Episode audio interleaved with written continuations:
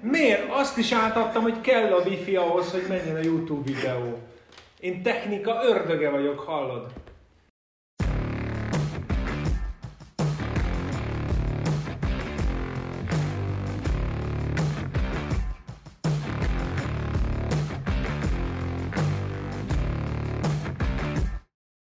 Sziasztok, szervusztok, Hadászanás hogyha vagyok, ez itt a Papi Franco YouTube csatorna, és a mai videóban van egy vendégem, akit egyébként már láthattatok korábban is, Endrédi Balázs, Így igaz. aki, amikor korábban találkoztatok vele, még gimnazista volt, jól emlékszem? Nem, akkor kezdtem az egyetemet. Akkor kezdted az egyetemet, most meg már doktorizol, meg Kb. nemzetközi tanulmányokat folytatsz és előadsz New Yorkban, nem? Néha szoktam. Na, így van. És képzétek el, hogy ő éppen pszichológiát tanul, és a pszichológiáról magáról azért elég sokat szoktam én beszélni, hiszen személyes kötődésem is van hozzá, én magam szeretem is, tanultam is elég sokat, meg magam is járok pszichológushoz, ezt már ezerszer elmondtam, és ő pedig éppen ezt tanulja, és mivel közben meg vallásos gyerek, ezért nagyon sokat foglalkozik a pszichológia vallásos vonatkozásaival, vagy a vallás pszichológiai vonatkozásaival? Vagy a vallásosság pszichológiai vonatkozásaival. Ennél inkább. jobban már nem tudjuk bonyolítani. Szóval, ez a rövid videó erről szólna. Mi a pszichológiának a valláshoz, vagy a vallásnak a pszichológiához? Mind a kettőnek sok köze van egymáshoz, tehát hogy, hogy egyrészt a vallásnak is lehet mondani valója egy-egy pszichológiai gondolat kapcsán, hogy az mondjuk, mondjuk jó-e vagy, vagy sem. Tehát, hogy mondjuk a Biblia fényében meg lehet vizsgálni egy-egy pszichológiai gondolatot, de ez fordítva is lehet, tehát hogy a pszichológiának az eszközeivel is lehet vizsgálni a vallásosságot. Vannak olyanok, akik, akik ezt olyan módon teszik, hogy, hogy azt próbálják belíteni, mintha a vallásosság az csak pszichológiai jelenség lenne, hogyha mondjuk Freudra gondolunk, hogy ő úgy képzelte, hogy az apukánkról van egy elképzelésünk, ezt az elképzelést kinagyítjuk a végtelenségig, és ez a végtelenségig kinagyított valami lenne aztán Istennek a képzete. Freud bácsi nem volt kifejezetten vallásos. Nem, nem, nem. Tehát hogy azt mondhatjuk, hogy ő neki nem volt kifejezetten kedvező a megítélése a vallásosságról, de hát a pszichológia világában azért nem ő az egyetlen szerző, és vannak olyanok is, akik pedig azt mondják, hogy a, hogy a vallásosságnak van egy, van egy pszichológiai része, hogy lehet a pszichológiával vizsgálni a vallásosságot, hogy mi történik akkor, amikor valaki, valaki imádkozik, vagy valaki azt írja meg, hogy Istennel találkozik. Ezt lehet pszichológiai eszközökkel vizsgálni, de ez nem azt jelenti, hogy a vallásosság az pusztán egy pszichológiai jelenség lenne, és semmi más. Tudsz erre mondani egy példát? Pont tudok mondani egy példát. Most úgy tettünk, mint hogy ezt nem beszéltük volna meg előtt. Igyekeztünk, majdnem összejött. Tehát például, hogyha elképzelünk egy ö, teniszezőt, aki nagy örömmel a napon játszik, és az ütőjével hadonászik, és megérkezik egy sportorvos, és ő szeretné ezt a teniszezőt megvizsgálni. Meg tudja nézni például a vérnyomását, vagy meg tudja nézni, hogy amikor a teniszütőt felemeli, akkor az izmai hogyan működnek, hogyan húzódnak össze.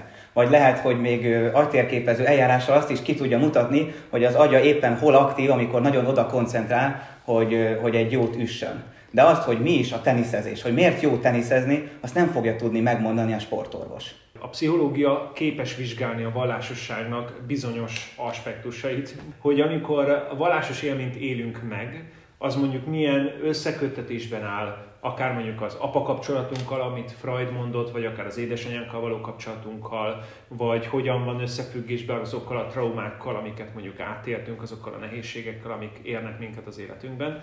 De nem tud egy komplex, egy egész választ adni arra, nem tudja megmagyarázni a vallásosságot, hogy ez olyan értelemben, hogy ez csak pusztán egy pszichológiai jelenség lenne. Sokan azt gondolták egyébként a 19. századi ateista mozgalmaknak volt ez egy kedvenc vezér gondolata, talán ezt mondhatom így, hogy amikor ugye a 19. században elindult nagyon a pszichológia, akkor sokan kezdték azt gondolni, hogy akkor ez tulajdonképpen pusztán egy pszichológiai folyamat, egy belső szükségszerűség, de egyébként Isten nem létezik, csak vágyunk arra, hogy, hogy létezzen. Természetesen aztán a 20. században számtalan vallásos pszichológus írt, alkotott, és nagyon neves szerzők vannak egyébként ezen a területen. Tehát mostanra már azért azt hiszem, hogy egyetlen pszichológus sem gondolja talán azt, hogy ez pusztán egy vallásos. Hát nem tudom, ezt nem De tudom. va- tehát vannak olyan pszichológusok, akik így gondolják, de hogy nem, nem szükségszerű, tehát nem kell, hogy valaki így gondolja, hanem mondhatja azt, hogy a vallásosságnak van egy pszichológiai vetülete, de ebből nem következik, hogy csak ez a vetület lenne. Mit szólnál hozzá, hogyha azt megnéznénk egy kicsit, hogy pontosan mely területeket érinthetik például a pszichológia a vallásosságunkban? Hú, hát igyekszem akkor összesűríteni. Például, ami legelőször eszembe jut, az az erkölcsi fejlődés. Erre is vannak mindenféle gondolatok, hogy valakinek hogyan alakul az erkölcsi fejlődés. Az, hogy mi jó és mi rossz, az hogyan alakul ki, hogyan hoz valaki egy ilyen helyzetbe döntést. Erre nagyon komoly pszichológiai elméletek vannak, és ez pedig kapcsolódási pont a vallásossághoz is, hiszen a Bibliában is néha olvasunk olyat, hogy valamit csináljunk, vagy éppen ne csináljunk. És akkor milyen hatással van a szüleinkkel való kapcsolatunk, a, mondjuk az Isten kapcsolatunkra? Tehát amit Freud megfogalmaz, hogy, a, hogy az apánkkal való kapcsolat és az Isten kapcsolatunk között van összefüggés, ez, egy, ez úgy tűnik, hogy egy, hogy egy valid és, és, és legitim A valid az azt jelenti, hogy helytálló. Vagy érvényes. Érvényes. Igen.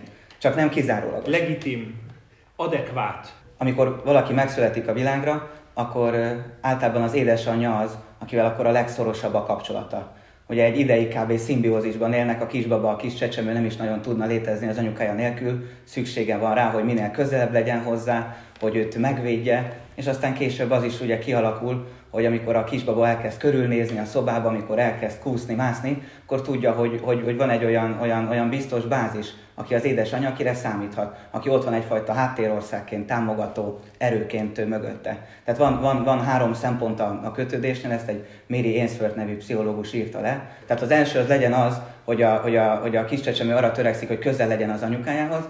A második az, hogy amikor van egy veszélyes helyzet, akkor ő menedék az anyukája, akkor, akkor hozzá tud fordulni, akkor ő segíti. És a harmadik pedig az, hogy egy, egyfajta bázis is az anyuka, akiből elindulva fel tudja fedezni a világot, aki ott van mögötte egy támogatóként, pont. egy biztos pontként. És hogy ez a három szempont nagyon izgalmas, hogy alkalmazható az Istennel való kapcsolatunkra is. Hogy az Istent hogyan tapasztaljuk. Törekszünk arra, hogy közel legyünk hozzá, vagy éppen, hogy megtapasztaljuk-e azt, hogy ő egy olyan menedék, akihez fordulhatunk. És az is nagyon izgalmas, hogy az, hogy az anyukánkkal milyen volt a kötődésünk, hogy, hogy milyen volt a vele való viszonyunk, vagy milyen éppen, ez hogyan kapcsolódható össze az Istene való viszonyunkkal. És az is elképzelhető, hogy, hogy valaki éppen az anyukájával kapcsolatban nem tudta azt megélni, hogy ő közel van hozzá, mert hogy valamilyen okból kifolyólag ez nem történt meg. De ilyen esetben is elképzelhető az, hogy valaki éppen az Istenben találja meg azt a szemét, aki ideális kötődési szempontból, aki mindig rendelkezésre áll, akihez bármikor lehet fordulni, aki minden élethelyzetben ott van és segít. Csak hogy értsétek jól, hogy az Isten létezik, él, és ő valamilyen. Ugye ez egy objektív igazság, hogy, hogy az Isten egy valamilyen, de mégis, ahogy mi kapcsolatban vagyunk vele, mi akár tapasztalhatjuk őt másként is, olyan értelemben, ahogy egy emberrel való kapcsolatunk is az egyik embernek más, meg ő közelebb kerül hozzá, mert ők jobban megértik egymást, ő viszont kevésbé, szóval, hogy a különbség igazából bennünk van. És ugyanígy egyébként a vallásos élmény megélése is nagyon erőteljesen azon múlik például, hogy én milyen személyiség vagyok. Mondjuk én egy eléggé extravertált, eléggé szangvinikus személyiség vagyok, tehát hogy én mondjuk tökre szeretek hangoskodni, ez azt jelenti, hogy mondjuk gitározni, énekelni, vagy, vagy valami ilyesmi dolgokat csinálni, de van, aki mondjuk visszahúzódó, van, aki csendesebb típus, ő inkább szeret leülni egy szentségimádásra az utolsó sorba, ő inkább elcsendesedik, ő inkább nem szól akkor senkihez. Tehát, hogy ezek a, ezek a személyiségtípusból fakadó különbségek. Tehát ezek a különbségek valóban fakadhatnak akár a mi személyiségünkből is, de akár abból is, hogy milyen volt az anyukánkkal vagy az apukánkkal való kapcsolatunk. Ez is kihathat az Istennel való kapcsolatunkra is. Ezért van az egyébként, hogy már Avilai Nagy Szent Teréz megfogalmazza a belső várkastélyban, hogy a lelki élet kiindulási pontja az önismeret. Az, hogy megismert, hogy ki vagy te. Ugye a lelki élet, az Istennel való kapcsolat, az nem arról szól, nem csak arról szól, hogy az Istennel kapcsolatos teológiai igazságokkal kerüljünk egyenesbe, hanem arról is, hogy megismerjem saját magam hogy ki az, aki az Isten előtt áll.